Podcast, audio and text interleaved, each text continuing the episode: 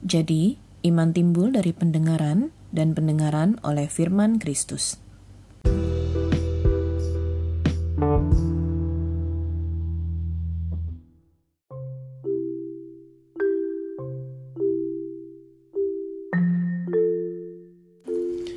Jika kita berbicara tentang orang yang percaya kepada Tuhan dan segala kuasanya, maka aspek paling utama yang paling sering dibahas adalah tentang iman.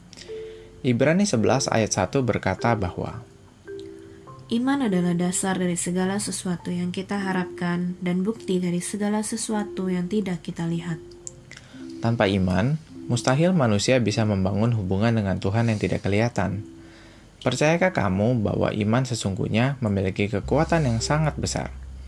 Yesus pernah berkata dalam Matius 17 ayat 20. Ia berkata kepada mereka, "Karena kamu kurang percaya, sebab aku berkata kepadamu, sesungguhnya sekiranya kamu mempunyai iman sebesar biji sesawi saja, kamu dapat berkata kepada gunung ini, pindah dari tempat ini ke sana, maka gunung ini akan pindah dan takkan ada yang mustahil bagimu." Mengapa iman bisa memiliki kekuatan sebesar itu? Pertama-tama kita harus tahu dulu di manakah letak iman. Rasul Paulus berkata dalam Roma 10 ayat 10. Karena dengan hati orang percaya dan dibenarkan, dan dengan mulut orang mengaku dan diselamatkan. Di sinilah kunci kekuatan iman. Karena iman berada di hati kita, potensi besar iman menjadi tidak terbatas. Raja Salomo pernah berkata dalam Amsal 24 ayat 10, jika engkau tawar hati pada masa kesesakan, kecillah kekuatanmu. Berbeda dengan pikiran, apa yang ada di hati kita tidak selalu dipengaruhi oleh keadaan. Keadaan bisa saja terlihat buruk, tapi hati kita bisa tetap bersemangat dan penuh dengan sukacita. Kalau iman kita hanya berada di pikiran, maka sebentar saja iman akan mati. Pikiran kita terbatas, pengetahuan kita juga terbatas.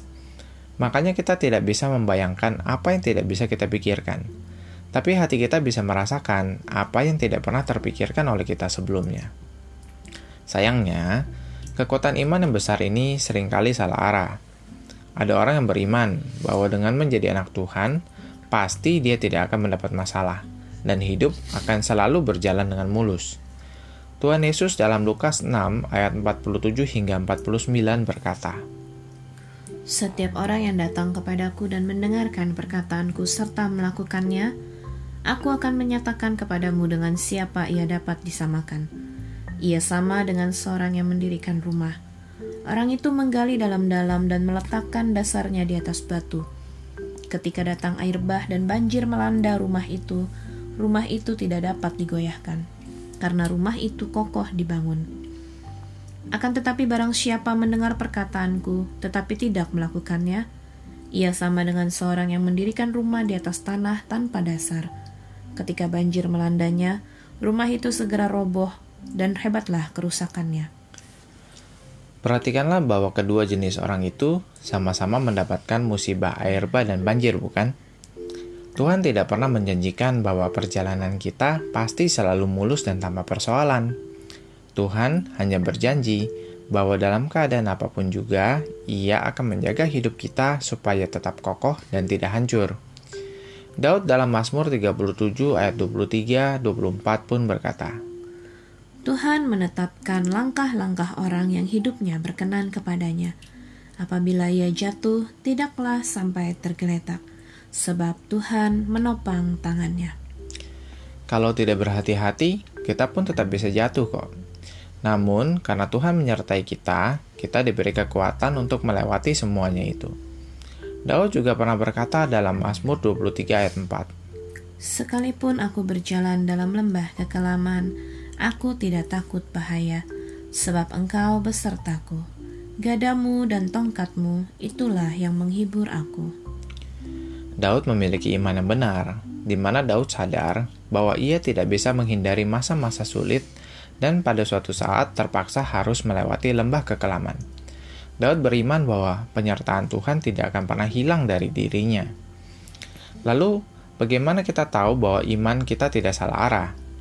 Rasul Paulus dalam Roma 10 ayat 17 berkata, Jadi, iman timbul dari pendengaran dan pendengaran oleh firman Kristus. Garis bawahi kata firman Kristus. Inilah mengapa kita harus sering membaca dan memperkatakan firman Tuhan. Apa yang kita dengar dari orang lain bisa saja salah, atau kita bisa saja menangkap makna yang salah dari perkataan orang lain. Namun jika kita membaca, merenungkan, mempraktekkan dan memperkatakan firman Tuhan langsung dari sumbernya, maka kesalahan-kesalahan itu bisa kita hindari. Iman yang muncul tanpa dasar dari firman Tuhan yang benar, layaknya kita mengarahkan kekuatan besar iman yang ada dalam hati kita ke area kosong tanpa sasaran. Hasilnya, kita hanya akan menerima kekecewaan karena tidak mengalami dampak apa pun. Dasar firman Kristuslah yang menjadi sasaran tembak iman kita supaya kita bisa melihat mujizat Tuhan terjadi. Satu hal yang juga tidak kalah pentingnya, Jangan mengutip hanya sebagian firman Tuhan sebagai dasar iman kita. Hal ini adalah sesuatu yang sembarangan, tanpa mengerti makna yang sesungguhnya seperti yang banyak dilakukan oleh orang-orang di luar sana. Rasul Paulus berkata dalam Roma 12 ayat 2, Janganlah kamu menjadi serupa dengan dunia ini, tetapi berubahlah oleh pembaharuan budimu, sehingga kamu dapat membedakan manakah kehendak Allah, apa yang baik, yang berkenan kepada Allah, dan yang sempurna. Akal budi yang dimaksud adalah hikmat perenungan dari firman Tuhan yang kita terima di dalam hati. Tanpa benar-benar merenungkan firman Tuhan secara serius dan fokus, kita sering kali terjebak hanya menerima apa yang menarik didengar atau mudah dilakukan saja. Contohnya, Dulu saya sering mengutip firman yang mengatakan bahwa Tuhan akan mengangkat engkau menjadi kepala dan bukan menjadi ekor. Engkau akan tetap naik dan bukan turun. Firman ini tentu menguatkan saya, tapi sesungguhnya saya kehilangan fokus pada bagian terpenting dari firman tersebut yang sesungguhnya berbunyi demikian. Ulangan 28 ayat 13. Tuhan akan mengangkat engkau menjadi kepala dan bukan menjadi ekor. Engkau akan tetap naik dan bukan turun apabila engkau mendengarkan perintah Tuhan Allahmu yang kusampaikan pada hari ini, kau lakukan dengan setia. Jadi tanpa pengertian yang benar akan firman Tuhan, kita hanya akan memiliki iman yang buta, dan kita tidak bisa mengerti apa yang sebenarnya menjadi kehendak Tuhan dalam hidup kita. Dan pada akhirnya, anak panah iman kita hanya tinggal perlu tarikan terarah menuju sasaran firman Tuhan lewat mempraktekkan firman Tuhan yang kita terima, seperti yang tertulis pada Yakobus 2 ayat 24. Jadi kamu lihat bahwa manusia dibenarkan karena perbuatan-perbuatannya dan bukan hanya karena iman. Mari kita atur kembali keseharian kita dengan mengalokasikan waktu yang terbaik untuk membaca dan memperkatakan firman Tuhan, sambil mempraktekannya dalam kehidupan sehari-hari kita, supaya iman kita bisa bertumbuh dengan sehat dan terarah dengan benar sesuai dengan sasaran yang berasal dari setiap janji-janji Tuhan pada kita. Dan bagi kamu yang sudah memiliki iman, jangan sampai iman yang sudah susah payah kamu tumbuhkan menjadi mati, seperti yang dikatakan firman Tuhan dalam Yakobus 2 ayat 26. Sebab seperti tubuh tanpa roh adalah mati, demikian jugalah iman tanpa perbuatan-perbuatan adalah mati. Tuhan Yesus memberkati.